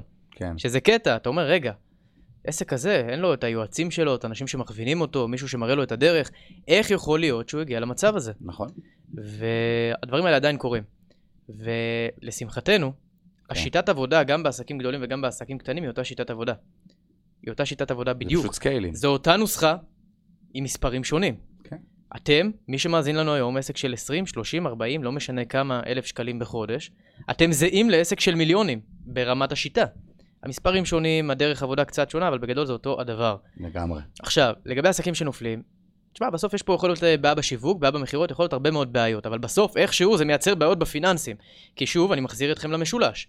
אם אין בסיס פיננסי טוב, בסיס כלכלי טוב, הבסיס של המשולש של פיננסים, המחלקה הכל כך חשובה הזו בעסק, לא מתוחזקת, היא לא בנויה טוב, כל הבניין רעוע. רעוע, והוא עשוי ליפול. כן. שוב, כי יכול להיות שבאמת הייתה עכשיו קורונה. הייתה קורונה, בסדר? אפשר לדבר הרבה על הקורונה, כבר נראה לי מיצינו את הקורונה. נכון. זה קטע שכבר מיצינו את הקורונה. כן, זה עבר איזה שלוש שנים הייתי בהלם. זה מטורף. אבל בוא נגיד קורונה. אנשים, בעלי עסקים קיבלו מכה בכנף. המכירות נפגעו, אבל כתוצאה מזה שהמכירות נפגעו, גם מחלקת הפיננסים נפגעה נפגעת. באופן ישיר. כן, זה שתי מחלקות, השיווק והמכירות מקושרות באופן ישיר למחלקת הפיננסים, כי בסופו של דבר המכירות נפגעו. אם אין לנו קופת התקלות, אם אנחנו לא ערוכים לתרחישי קיצון, אם אנחנו לא יודעים להתאים את עצמנו ולנהל תזרים מזומנים גם לרגעים קשים, ולהבין מה ה-Worst case scenario. כי לפעמים כשאנחנו מבינים מה ה-Worst case scenario, אנחנו מבינים שהוא לא כזה נורא, ומה שנקרא, אפשר להתמודד עם זה, זה בסדר. סיטואציה היא סיטואציה לא פשוטה, אבל אני יכול לצלוח אותה, אבל בואו קודם כל תדעו לחזות את אותה סיטואציה שעתידה לקרות. כן, ואז אני לא מקבל איזה כדור שלג שלילי של אני מגיע לתרחיש הכי גרוע שיש, ואז אני פתאום צריך לקחת איזה הלוואה מיידית, ובדיוק הריבית במשק היא מאוד מאוד גבוהה, כי אני חייב לבוא ולהציל את זה. ומה שאופק נגע פה, אני מקשר לזה תמיד לעולם ההשקעות. חבר'ה, כמו שאנחנו מנתחים מניה בבורסה, זה כמו לנתח עסק לכל דבר ועניין. אז בפן הבורסאי יש את העניין של הלוגיקה וההבנה של תהליכים והעולם הכלכלי, איך הוא משפיע, אבל ברמה המספרית זה אותו דבר. כשאני מסתכל על עסק, לא ניקח פיצריה ברוטשילד, או ניקח את פייסבוק, אז ברור שהמשתנים הם הרבה יותר גדולים, והסגמנטי רווח, והכל הוא הרבה יותר גדול. אבל בתכלס, בסוף, הבסיס הוא אותו דבר. המושג רווח גולמי הוא אותו דבר בפיצריה ואותו דבר בגוגל. הרווח תפעולי הוא אותו דבר. ההבדל שבפיצה זה יכול להיות, אה, לא יודע מה, א', ב', ג', ובגוגל זה יכול להיות 15,000 דברים. אבל בסוף צריך להסתכל על זה ולהבין שזה בעצם אותו דבר, זה נמצא שם. עסק זה מספרים. בסופו של דבר, עסק זה מספרים, צריך לדעת להבין אותם, צריך לשלוט בהם וצריך לנהל אותם בצורה טובה, להבין את הרווחיות וגם לנהל אותה בצורה טובה ולהבין איך אפשר לשפר אותה. בסופו של דבר, אם אנחנו לא מרוויחים מהעסק שלנו, כמו שאמרנו גם בהתחלה, אפשר לסגור את העסק, ללכת הביתה. לגמרי. זאת אה, מטרה, מטרה של, של עסק היא בסוף להרוויח כסף לבעל העסק. יפה. שאלה נוספת שמגיעה אליי הרבה, גם מאנשים שעוקבים אחריי, ואני בטוח שגם זו שאלה שחוזרת, או שאתה גם נפגש עם אנשים כאלה, שהעסק לא מתייחס על עצמו כעסק. הוא אומר, אני עדיין לא חברה, אז אני כאילו, אין לי עוד עובדים, אני עצמאי, אני one man show, אני נותן שירות, והכל נהיה מערבולת. האשראי הפרטי שלו הוא אותו אשראי של העסק, החשבון בנק שלו הוא אותו חשבון בנק של העסק. כאילו, בהבנה שלי, הטיפ הראשוני זה, זה לעשות הפרדה בין הדברים. שכמו שאמרת, הרווח של העסק זה לא הרווח שלי, לעשות הפרדה בין הדברים זה נחוץ גם ברמת החשבון בנק, כרטיסי אשראי, לטעמך? חד משמעית, כן. הרווח של העסק הוא לא הרווח שלך, המשפט שאני מאוד מאמין בו, אני חוזר עליו גם המון. כי בסופו של דבר יש את העסק ויש אתכם. מהרגע הראשון אתם צריכים לדעת לבודד את עצמכם מהעסק, וזה לא משנה אם אתם one man show או חברה גדולה. זה לא משנה. גם כפטור וגם כמורשה, מצופה מכם למשוך משכורת מהעסק. הוראת קבע מסודרת מהחשבון העסקי לחשבון האישי, זה שזה לא בתלוש זה לא מעניין. נכון. זה לא מעניין. הוראת קבע מסודרת בתאריך קבוע, בעוגן מוגדר בלוז מראש, ופשוט מתנהלים עם שני, שתי ישויות נפרדות במקרה הזה. כן. כן, אני ממליץ לעשות את ההפרדה גם בחשבונות בנק, גם באשראי, מהרגע הראשון, ולא לעבוד על עצמכם, באמת לעשות הפרדה. כן. הרבה בעלי עסקים עושים הפרדה, אבל בפועל עדיין מערבבים. נכון. יש שני כרטיסי אשראי, אבל בסוף כל הפעילות קורית באשראי העסקי. ואז הם לא, ואז כן. אה, מה עשיתם בזה? כן, ואז הם אה, מגהצים עם החברה איזה סרט, ואז הם אומרים, אה, לא, זו הוצאה מוכרת. והחשבון אומר, אחי, איזו הוצאה מוכרת. אה, ויודע יודע מה, נניח שהיא באמת גם מוכרת, כן, אתה לא יודע בדיוק, לא לא בהכרח אתה זוכר בעל פה, אתה כמובן יכול להסתכל על אותה טבלה שדיברנו עליה, יש כן. טבלאות לכמה מוכר, אבל גם אם זה מוכר חלקית, לא בטוח שזה צריך להיות בהוצאה של החשבון העסקי. נכון. אתה עדיין יכול להעביר חשבונית על הוצאה שיצאה באישי. תלוי נכון. מה הוצאת. בדיוק, אבל זה, זה גורם לך לאיזה סחרור כזה מסוים. ועוד טיפ קטן גם זה לעשות את ההפרדה ברמה גם התפעולית, כאילו, טלפונים נפרדים, שנייה. שלא הוואטסאפ שלך יתערבב עם הוואטסאפ של הלקוח, שמבחינתו בסדר, הוא שלח הודעה ב-12 בלילה כי כי הוא אמר, תראי, השירות לקוחות, או אתה תראו את זה בבוקר, אז אתה בפועל יושב עם חברה שלך בסלון ורואה את הסרט, ואתה פתאום כזה מתבאס על הלקוח, מה, למה שלא הודעה ב-12, מה, אין לו חיים? אבל לא, יש לו חיים, וכמו שאנחנו לפעמים יכולים להשאיר פרטים באתר, אה, לא יודע מה, באות, כי אנחנו רוצים להתחבר אליהם מחר, ב-12 בלילה, כי בדיוק נזכרנו בזה, אותו דבר גם הלקוח יכול לבוא לעשות את זה אצלנו. וצריך לעשות הפעלה אותי גם ברמה הפיננסית וגם ברמה התפעולית, וזה מאוד... אה, כן, מאוד אני, אגיד, אני, אגיד, אני אגיד עוד דבר בהקשר לזה, אה, לא משנה אם אתם פטורים או מורשים בסופו של דבר, תתנהגו מהרגע הראשון כאילו אתם חברה בע"מ. בסוף השאיפה שלכם היא כן ביום מן הימים להיות חברה בע"מ, זה מעיד על הרבה מאוד דברים, זה מראה שאתם רווחיים, מראה שאתם גדלים, מראה שאתם בצמיחה. שוב, צריך להיכנס פה, השיקול כן. המרכזי במעבר בכלל לחברה בע"מ הוא קודם כל שיקול כלכלי, לפני רגע שיקולים מיתוגיים ושיקולים משפטיים. דבר המשפטי ראשון, לא באמת, אה, קודם בדיוק. כל זה כלכלי. לגמרי, דבר ראשון. נכון, אז once אתם עוסקים פטורים או מורשים שמהרגע הראשון מתנהלים כמו חברות, יהיה לכם הרבה יותר קל לעשות את הצמיחה והגדילה גם ברמת ה mindset. נכון. בתפיסה שלכם אתם כבר מושכים משכורת מהעסק, בתפיסה שלכם יש פה עסק שהוא עובד בשבילכם, כן. נקרא לזה ככה, ואתם בעצם שכירים בעסק של עצמכם. כן. איזה כיף לחזור להיות שכירים, סתם, אבל בסוף אתה חוזר להיות שכיר בעסק של עצמך. ו... וזה כיף, זה כיף, זה מייצר לך גם איזושהי ודאות. אני יודע שאני מקבל משכורת X כל עשירי בחודש. כן. סבבה. גם בסוף התפיסה, המוח האנושי, אנחנו כבני אדם, הרבה יותר קל לנו לקבל משכורת גבוהה בחודש. אגב, קל. הסיבה שהרבה מאוד אנשים נמצאים באותו מרוץ ונוח להם בעולם הזה, ולא יוצאים לעולם העסקים, זה באמת הנוחות, הסביבה הנוחה, הכל נוח. אתה מקבל אה. משכורת גבוהה, אתה יודע כמה אתה מכניס, לא משנה מה קורה. כאילו, כן, כן משנה מה קורה, אבל ברוב הזמן אתה כן תקבל את המשכורת שאתה מצפה לקבל. כן, כאילו זה... הכל נוח. כן, אתה, אתה לרוב גם, זה לא תלוי בעצמך, תלוי יותר במנכ"ל וכולי. בעל עסק, אחרי שהוא, נ, נלך, יאללה, עבר איתנו מסע בפודקאסט הזה ובאמת הבין, ואני אומר אמיתי, גם אני תוך כדי חושב על כמה דברים שאני עדיין לא עושה בעסק שלי ואני צריך לבוא ולעשות. אמ, וגם אני כאילו אומר, אם אני היום, גיא שלפני שנתיים, שומע את הפרק הזה, הוא עוצר באמצע הפרק, אומר, שם בלו"ז שלו, שהוא יחזור הביתה וישב ויצפה בפרק הזה, כי הוא גם ביוטיוב חבר'ה, ויראה וממש ירשום לעצמו בדף, ואז ייקח את המודל שאופק דיבר עליו, הוא פירט את זה בצורה, לפי דעתי, הכי טובה שיש, מהמחזור לרווח הנקי ועל מה צריך להתייחס, ופשוט רושם ומבין מה אני צריך לבוא ולהסתכל, כי פרקטיקה בשיא פה. אז מתי בעל עסק צריך להתחיל להסתכל גם על השקעות? השקיע בעסק, עשה עניינים, הגיע לרווח. רגע לפני ההשקעות, כן. בואו בוא רגע נשים שנייה, תוך כדי שאמרת את הדברים, פתאום שמתי לב רגע שלא דיברנו רגע על ההבדל בין רווח הפסד לתזרים מזומנים. זאת אומרת, אתם חייבים לזכור כל מה שדיברנו פה רגע על מחזור ההכנסות שלכם בעסק, על, ה, אה, על הרווח הגולמי, על הרווח התפעולי, על הרווח לפני מס, על הרווח הנקי, אנחנו מדברים פה על דוח רווח והפסד. עכשיו, נכון. רואה החשבון בדרך כלל מסתכל ברטרו, הוא רואה מה היה ברטרו. נכון. כשאנחנו מדברים על תוכנית כלכלית, על תחזית כלכלית עסקית, אנחנו בעצם לוקחים את הדוח רווח והפסד, את ההיסטוריה, ומותחים אותה קדימה. זה בעצם לקחת את העבר, למתוח קדימה. כן. גם על בסיס נתוני העבר וגם על בסיס השאיפות, המטרות הכלכליות שלנו בעסק. לגמרי. זה רווח הפסד סלש תחזית, תוכנית כלכלית. מנגד, יש לנו את תזרים המזומנים. תזרים המזומנים הוא לא הרווח והפסד. מה ההבדל? להיות, יפה. יכול להיות עכשיו שברווח והפסד סגרנו איזושהי עסקה. בוא נניח סגרנו עסקה של עשרת אלפים שקלים, הוצאנו עליה חשבונית, אבל העסקה הזאת מגיעה אלינו בתשלומים, ונניח שאין לנו ניקיון תשלומים.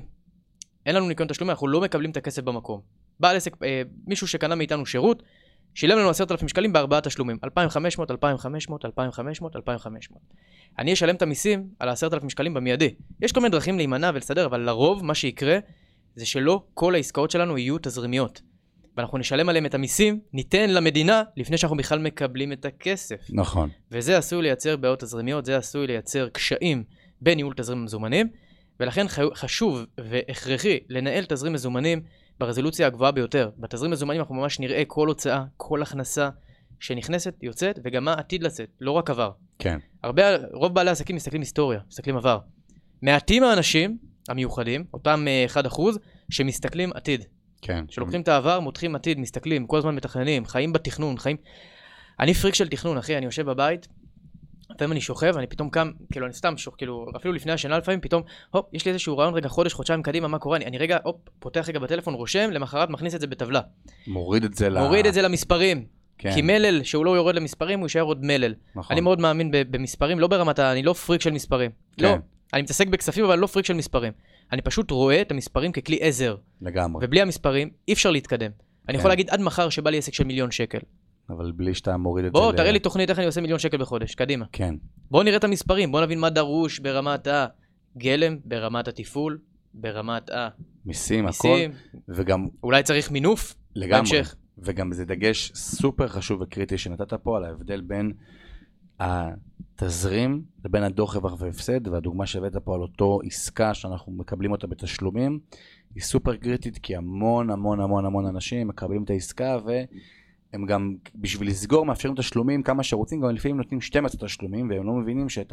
כל העסקה הגדולה הזאת, כי באמת, וואלה, עכשיו לקוח להוציא עכשיו, לא יודע מה, 12,000 שקל זה יקר, אבל כל חודש 1,000 שקל סבבה, אבל אני משלם עכשיו, כאן ועכשיו, אם אין לי ניקיון. צריך לחנך את הלקוחות, אני מכניס פה טיפ, חנכו את הלקוחות שלכם. הלקוחות שלכם לא יכולים, כאילו, יסלחו לי, מי, ש, מי, ש, מי שאולי ייפגע מזה, כאילו, אבל הלקוחות של, שלנו לא יכולים לחנך אותנו כבעלי עסקים. אנחנו בעלי עסקים, אנחנו מכתיבים את הקצב. אם לא בול. טוב לנו, לא נגבה ב-12 תשלומים. כן. אתם צריכים להבין את המשמעות של לגבות ב-X תשלומים. שוב, אם יש לכם ניקיון תשלומים, לא כל כך סבבה, כי לנקות 12 תשלומים זה הרבה מאוד כסף. הרבה יש פה עלויות. כסף. אבל בואו נגיד שלא היה עולה כסף לנקות תשלומים. סבבה. כן, אין לי בעיה, תפרסו גם ל-30 תשלומים, מה אכפת לי? נכון. אבל כשאנחנו... יש כסף. יש כסף, מגיע כסף, מבינים איפה הכסף. אבל אם עכשיו סגרתם עסקה ב-20, 30, 40, לא משנה כמה סגרתם עסקה, אתם יכולים לבוא ולהגיד עכשיו, לצעוק ברחובות, עשיתי מחזור 100,000 שקל, לפני מע"מ, כן, מזכיר, לא כולל מע"מ, עשיתי מחזור של 100,000 שקל, אבל בפועל אתם רואים בחשבון הבנק 20, 30, 40, קורה להרבה מאוד בעלי עסקים. ואז אתה אומר, רגע, אה, איפה הכסף? פה זה נכנס. פה זה נכנס. אני סוגר כל כך הרבה עסקאות, אבל איפה הכסף? כן. דברים שאנחנו עושים היום עם לקוחות בתוכנית ליווי, בתוכנית המקפצה הכלכלית, זה קורה לי הרבה מאוד עם בעלי עסקים. אנחנו ממש מחנכים את הלקוחות לאט לאט. זה אומר, מרמת. אם יש לך דף מכירה, דף סליקה, תגביל את כמות התשלומים. אם עד היום זה היה עשרה תשלומים, תוריד טיפה.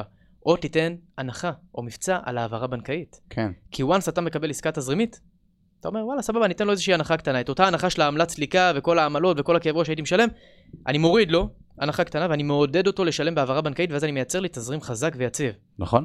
יש פה כל מיני מניפולציות שאפשר לעשות, המון. וצריך לדעת לשחק עם זה, ושוב, ההבדל בין רווח הפסד לתזרים מזומנים, אם התזרים הוא המלך, הרווח הפסד הוא, אה? אה?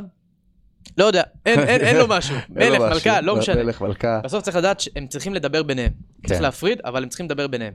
רווח הפסד, תזרים מזומנים מדברים, לגמרי. זה מה שמנצח בסוף. זה חשוב מאוד, וזה גם, כמו שאתה מבין, אם שמתם לב את הקשר בין הבסיס, שזה העולם הפיננסי, פתאום לעולם השיווקי, של אם אני מבין שאני לא צריך ואני לא יכול, זה לא שאני לא צריך, אני לא יכול לקבל ב-X בחמישה, שישה תשלומים, אז אני בפן השיווקי משווק את המוצר שלי בצורה שהיא שונה. האיש מכירות שלי, הוא מוכר את המוצר שלי בצורה שהיא שונה. והוא גם בא ומראה פה. ואז הכל בסוף מתנקז לבסיס של העולם הפיננסי. אני שמח על החיבור שעשית, כי בסוף מה שקורה פה זה הבסיס הפיננסי מכתיב את הקצב, מי שלא מבין. לגמרי. מה שאני אני רוצה לראות בתזרים מזומנים שלי בחודש הבא, איקס כסף, בואו נקייל את שאר המחלקות, את השיווק והמכירות, כדי שזה מה שיהיה לי. כן. אם אני רוצה להיות עם 100,000 שקל בחשבון, בואו נבין מה הפעולות השיווקיות והמכירתיות שאני צריך לעשות כדי שזה ייווצר לי, וכמובן לנהל את הכסף שנכנס בצורה הרבה יותר טובה. לגמרי, זה, זה מדהים. איך מתמודדים חכם עם גדילה של עסק ברמה הכספית? פתאום עסק מקבל, אתה יודע, פתאום מתפוצץ, ופתאום, אתה יודע, הוא בסדר, פתאום הוא גם אומר לעצמו, מה אני צריך את הפגישה שעשיתי עם אופק אז, עם כל האקסלים, מה אני צריך את זה עכשיו? כאילו, בוא אני אתן איזה... איך מתמודדים עם זה חכם? איך מתמודדים עם גדילה? כן, תוכנית, תוכנית, תוכנית. מי שלא מתכנן, מתכנן להיכשל. מאוד פשוט. מי שלא יתכנן את הגדילה ואת הצמיחה שלו בעסק ויבין את המשמעויות של גדילה, יש משמעויות לגדילה. יש משמעויות כלכליות לעסק שהוא גדל. תכפיל מחזורים, יש פה משמעויות מטורפות. בפן המיסוי, בפן התפעולי, בגלם. אתה צריך עוד הרבה יותר כדי להניע את הגלגל הזה, את הדבר הזה שנקרא עסק. כן, ולכן תוכנית. לבנות תוכנית כלכלית מסודרת לעסק, לקחת כביכול, כמו שדיברנו קודם, את הרווח, הפסד, את העבר, ולמתוח אותו קדימה. להבין איפה אנחנו רוצים להיות, לא רק ברמת המחזורים. אחלה שאתה רוצה להיות עסק של 2 מיליון שקלים בחודש, או לא משנה כמה, כן. מה הרווח שלך בסוף?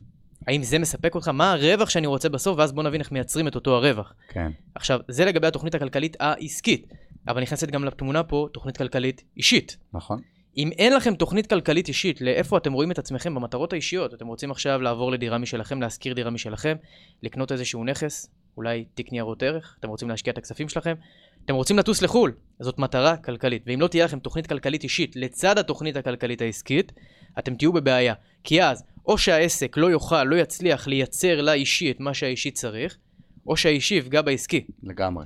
זה פשוט מה שיקרה, ולכן צריכים תוכנית גם לאישי וגם לעסקי. וזה גם מעבר לזה, זה לפעמים, אתה יודע, הרבה בעלי עסקים שחווים את הפיק הזה, כמו שאתם לא מתכננים קדימה, והם רואים, הנה, המחזור גדל, אז אני יכול להתרחב לעוד משרדים, ואני יכול פתאום לקחת יותר עובדים, ונותנים חוזה העסקה ותקציבי פרסום והכל, ואז מגיעים לפיק. ואין מה לעשות, לפעמים אחרי הפיק מגיע טיפה איזה דשדוש, או אפילו ירידה, כי אולי תקופת חגים והעסק שלי מאוד מאוד שגשג, אולי פתאום הבורסה מאוד מאוד מתפוצצת, ומלא אנשים רוצים ללמוד איך אה, עושים כסף, אולי נפתחו מלא בעלי עסקים, לא משנה מה. אז אני פתאום מתרחב, ואני גדל, ואני מתחיל לחלק פה המון המון, נקרא לזה, כספים, ואז פתאום האוויר טיפה יוצא. ואז אני בכלל בלי תכנון קדימה.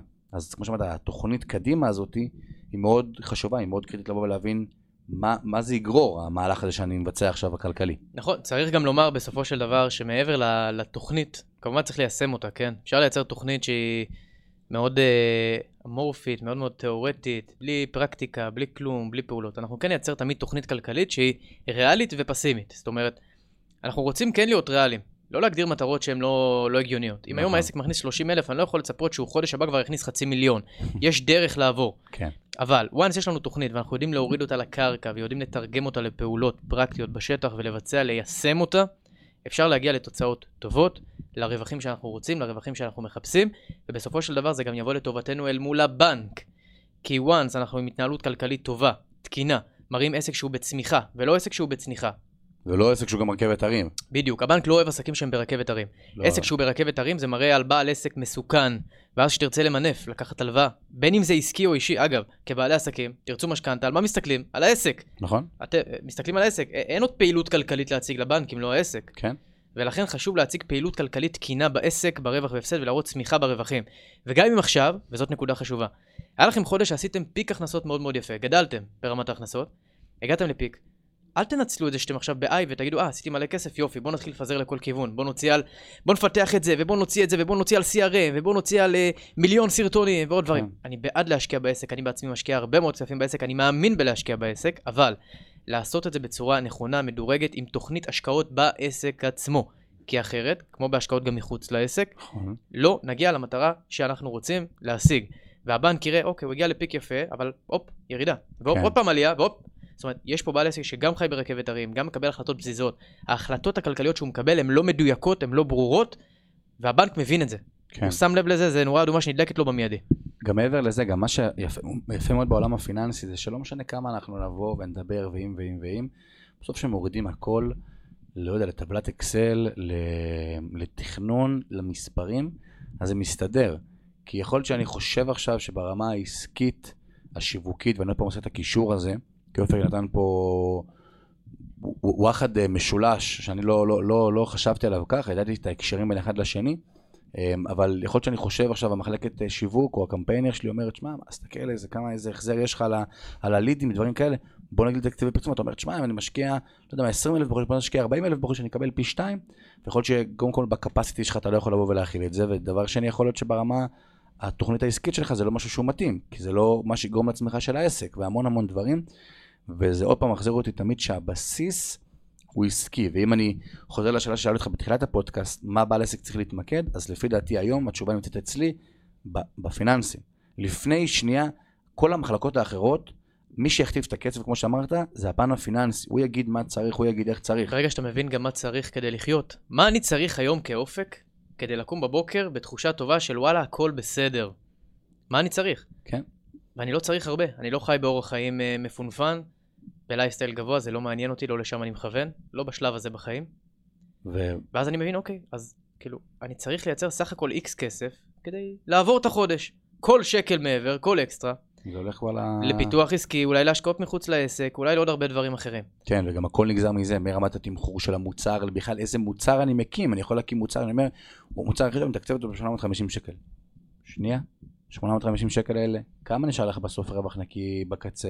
איך זה נכנס? כמה אתה בכלל מקדיש לזה? אנשים משיקים היום מוצרים ככה על ימין ועל שמאל, לא, לא מסתכלים בכלל על אחוזי הרווחיות, מה הם מצפים להשיג מאותו מוצר ברמת הרווח, ונוצרת כאן בעצם בעיה מאוד מאוד גדולה, ושוב, זה גם ברמת המוצרים, זה גם, אני היום לא רואה, באמת, באמת שאני לא רואה, בעל עסק היום עם התנהלות כלכלית לקויה באישי שלו, אני לא רואה איך הוא מנהל עסק היום בישראל. אני לא רואה. כן, זה... זה לא קורה, אנחנו מדינה לא פשוטה, ועוד פעם, אני לא, לא אומר לכם תברחו לדובאי, אבל כאילו, רבאק, יש לכם חיים אישיים לנהל, תנהלו אותם בצורה טובה קודם כל. זה כמו זה כמו אה, מישהו שלא יודע לדאוג לעצמו ולטפל בעצמו ומביא תינוק לעולם. זה כן. ממש בול אותו הדבר. כן. אתה, אתה רוצה לקחת עכשיו אחריות על תינוק, טפל בתינוק לפני שטיפלת בעצמך? זה, זה, זה, אבל זה בדיוק הדברים האלה, וזה גם למה אני תמיד אומר שהקיטוב בין אנשים מוצלחים לאנשים מוצלחים יותר, כי כולם מבחינתי מוצלחים, מפרגן לכולנו. זה נמצא באמת ב, ב, ב, בדברים הקטנים האלה. בשנייה להבין את הניואנסים הקטנים, וזה לא, וזה לא הרבה, וכמו שאמרת, לא צריך לפחד מהעולם הזה, וזה לא איזה עולם של, אתה יודע, וואו, אני עכשיו מגיע, לא יודע, נגיד לאופק, לתוכנית המקפצה הכלכלית, אז אני כזה, יואו, אני אזיע. לא. זה קודם כל, בשביל זה אתה בא לבעל עסק, כדי שהוא יפתור לך את כל הדברים יש לך חיים קלים, ברור. בדיוק, בשביל זה אתה משלם לו, אתה לא משלם לו על השעה, אתה משלם לו על כל הניסיון והעבר והידע והבעלי העסקים שבאו ועברו אצלו, ובאמת הדבר הזה עושה סדר אה, מאוד מאוד יפה. תן לי עוד איזה, יש איזה נושא, משהו שאתה רוצה לבוא ולהגיד ולהדגיש פה בתחום הזה? כן, אני אתן רגע כמה דברים, אה, כמה נקודות שפחות התעכבנו עליהן, אני פשוט יורה אותם. או. יורה אותם, ממליץ לכם מאוד, זה השלב לכתוב רגע את הדברים, כי זה באמת הדברים הכי פרקטיים שיש. שוב, על חלקם דיברנו, אני רגע מדייק אותם טיפה יותר. קודם כל עבודה עם תזרים מזומנים, כמו שאמרתי, התזרים הוא המלך, הוא כדור הבדולח, הוא מאפשר לנו לתכנן ולהסתכל קדימה. בתור התחלה תגדירו לכם עוגנים בתזרים המזומנים. מה זה אומר עוגנים בתזרים המזומנים? תאריכים ספציפיים שבהם קורים דברים, תאריכים שבהם כסף נכנס, כסף יוצא. אם אתם סוכנות שיווק, יש לכם ריטיינרים. נכון. ריטיינרים בתאריכים שונים, כי הלקוח נכנס בתאריכים שונים. אבל אתם צריכים להגיע למצב שאתם מקיילים את התשלום שלכם בעצם מהלקוחות שלכם לתאריך ספציפי. אתם מקיילים לאותו תאריך גם את הסליקה שאתם מקבלים, את כרטיסי האשראי שאתם מוציאים. יש מועדים ברורים בתזרים, ואתם נכון. צריכים להגדיר אותם ולעבוד בצורה מסודרת. אה, אם זה למשל השני, העשירי והחמש עשרה, מעולה. שני, עשירי וחמש עשרה, לא יותר משלושה עוגנים. שניים, שלושה עוגנים, לא צריך יותר מזה. כן. תמיד יהיו כספים שייכנסו בין לבין, תמיד. כן. פתאום מישהו עשה לכם העברה בנקאית, פתאום מישהו הביא לכם מזומן, בסדר. זה היוצא מן הכלל. אבל ככלל, תקיילו את כולם לא, לאותם עוגנים. אותם עוגנים גם צריכים להופיע לכם ביומן. אתם פותחים יומנים, שמים, נניח החלטתם על עוגנים בשני, עשירי, חמישה, חמש עשרה בחודש, שימו ביומנים בתאריכים האלה סלוט, זמן עבודה על פיננסים, ובעצם אתם עושים בקרה, אני קורא לזה זמני הדין וחשבון. ממש ככה. טוב, עכשיו טוב, אהבתי. הדבר השני זה עבודה עם תקציבים, תקציבים בסוף זה כלי הקיבול שלכם כבעלי עסק, תעבדו עם תקציבים. זה לא פשוט בתור התחלה, ברגע שמתרגלים ומתנסים, מגיעים לשלב מסוים שגם לא משנים יותר מדי. תקציבים לא משתנים כל חודש. נכון. בהתחלה כן, עד שמתייצבים. אבל once הגעתם לתקציב ברמה מסוימת, כל עוד לא הכפלתם את העסק, הגדלתם אותו משמעותית, אולי תגדילו רק את התקציב שיווק, את הפרסום, זה לא שאתם כל חודש עוברים דירה. כן. זאת אומרת, התקציב של הדירה נשאר אותו הדבר. הרבה מהדברים נשארים אותו הדבר, ולכן אל תפחדו מלהתנהל עם תקציב, זה חשוב כל כך. יש גם הרבה דרכים, אפליקציות, אני דווקא לא אכנס לזה ולהמלצות על אפליקציות ומערכות. לא אלא אם יש קישור affiliate ו... אין, קישור, אין קישור affiliate. אז לא, אז לא ניכנס להמלצות על אפליקציות. הדבר הבא, נגענו בו גם כן, להציג עסק שהוא בצמיחה ולא בצניחה, זה אירוע מאוד מאוד חשוב. אתם אולי לא מבינים אותו כרגע, אבל אתם תיתקלו בו. בטח בעלי עסקים צעירים, שאין להם היסטוריה, אין להם עבר בנקאי. כן. לא מכירים מה היה להם לפני, עבדו אולי שכירים כמאבטחים בקושי, עשו משכורת 6, 7, 8, ואז פתאום עושים סכומים הרבה יותר גדולים, הבנק לא, לא סומך עליכם, תבינו. כן. הבנק לא מתייחס אליכם כמו שצריך. רוצה לשמור, הוא רוצה כן. לראות יציבות. הבנק לא מעניין אותו, וגם גם אם, גם אם הוא יראה יחסית יציבות, אתם עדיין פישרים, סליחה, כאילו כולנו, כן. גם אני, גם אתה, כן? בסוף יש את העסקים הגדולים, הם באמת מקבלים את זה, אבל כמובן שיש פתרונות, תלוי באיזה סניף אתם, עם איזה בנקאי, אנחנו היום יש לנו שיתוף פעולה גם עם אחד הבנקים, לא נציין אותו פה, שבעצם עוטפים את הלקוחות מקצה לקצה, ובעצם מאפשרים ללקוח ליהנות מהבנק, לשם שינוי. כן. בלי זה... כל הזמני המתנה וכל הכאבי ראש. זה חשוב. נכון. הפרדה נכונה בין האישי לעסקי, דיברנו על זה, אל תעבדו על עצמכם, באמת, תבצעו הפרדה. הבנת הרווחיות בעסק שלכם תאפשר לכם לקבל החלטות טובות ומדויקות. קבלת החלטות כלכליות זה הנושא הכי קריטי, הכי חשוב היום. בלי החלטות טובות, נכונות, מדויקות, אי אפשר לצמוח ולגדול בעסק שלכם. רואי החשבון לא יציל לכם את העסק. לא יציל. נכון. תהיו בבקרה, תבינו, תחפרו, תשאלו, תהיו שם, תהיו כן. שם, אל תזרקו את האחריות. תהיו עוד פעם, תזכרו את ה-400 שקלים פלוס מע"מ.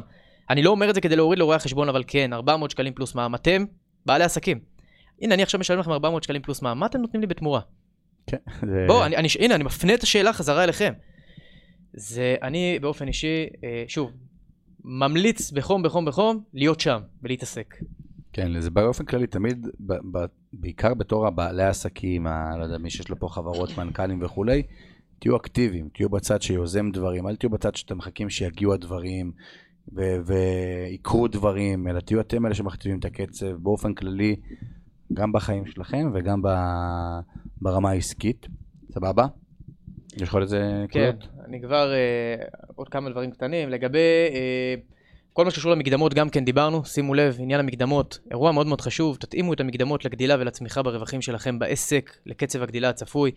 אם אין לכם תוכנית כלכלית עסקית לעסק, אתם כנראה לעולם לא תדעו מה הרווח הצפוי. אתם יכולים לנחש, אבל אתם לא תדעו, ולכן גם לעולם לא תוכלו ללכת לרואה החשבון ולתת לו בראש ולהגיד לו מה אני צריך. ולכן must, must, must, תוכנית כלכלית עסקית, אבל גם אישית. כן. אבל גם אישית, כי אחרת, אחד מהדברים ייפגע. פגע.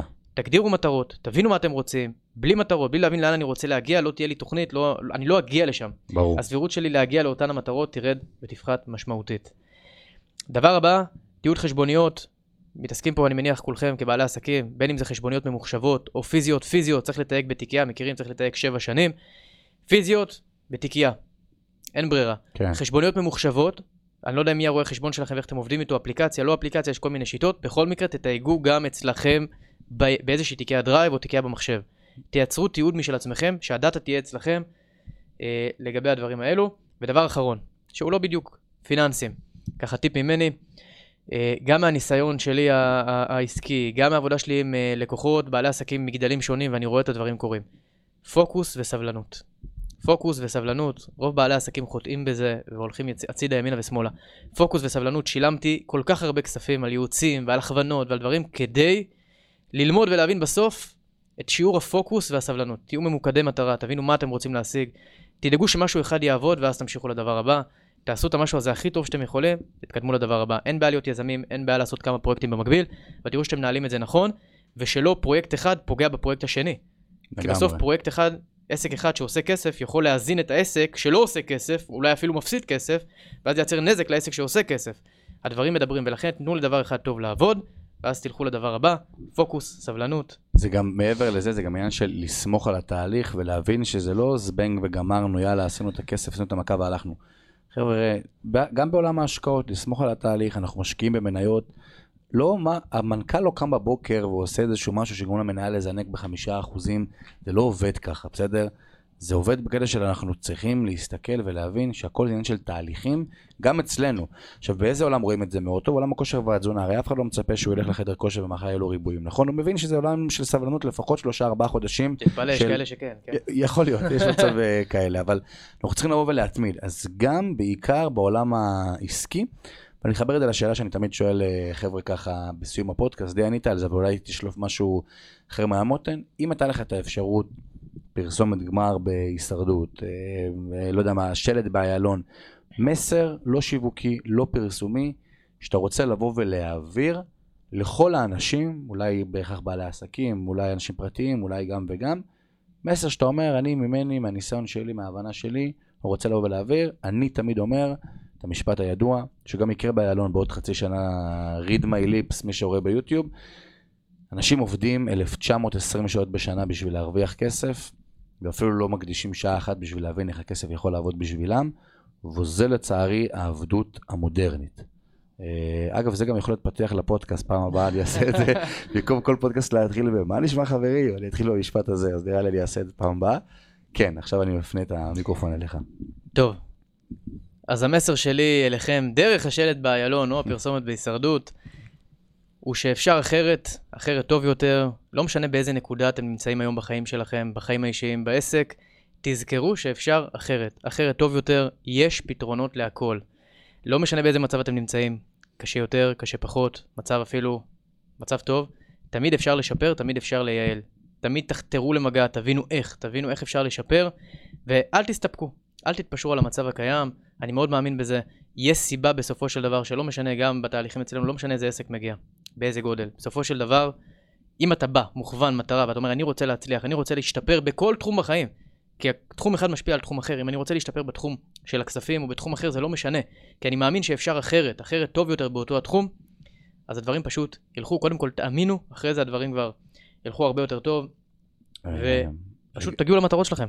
לגמרי, אז קודם כל אני חייב להגיד אה, תודה רבה באמת לאופק שגם הקדיש מהזמן שלו וגם נתן פה ים ערך, כאילו באמת, אה, אני עושה עם הרבה אנשים פודקאסטים וכל אחד מביא ים ערך וזה באמת אחד הפודקאסטים שהם גם בעיקר פרקטיים וזה מה שאני אוהב וגם זה מה שאתה אמרת עוד בפרינגים שאתה מאוד מאוד אוהב, אה, אז תודה. ותודה לכם חבר'ה.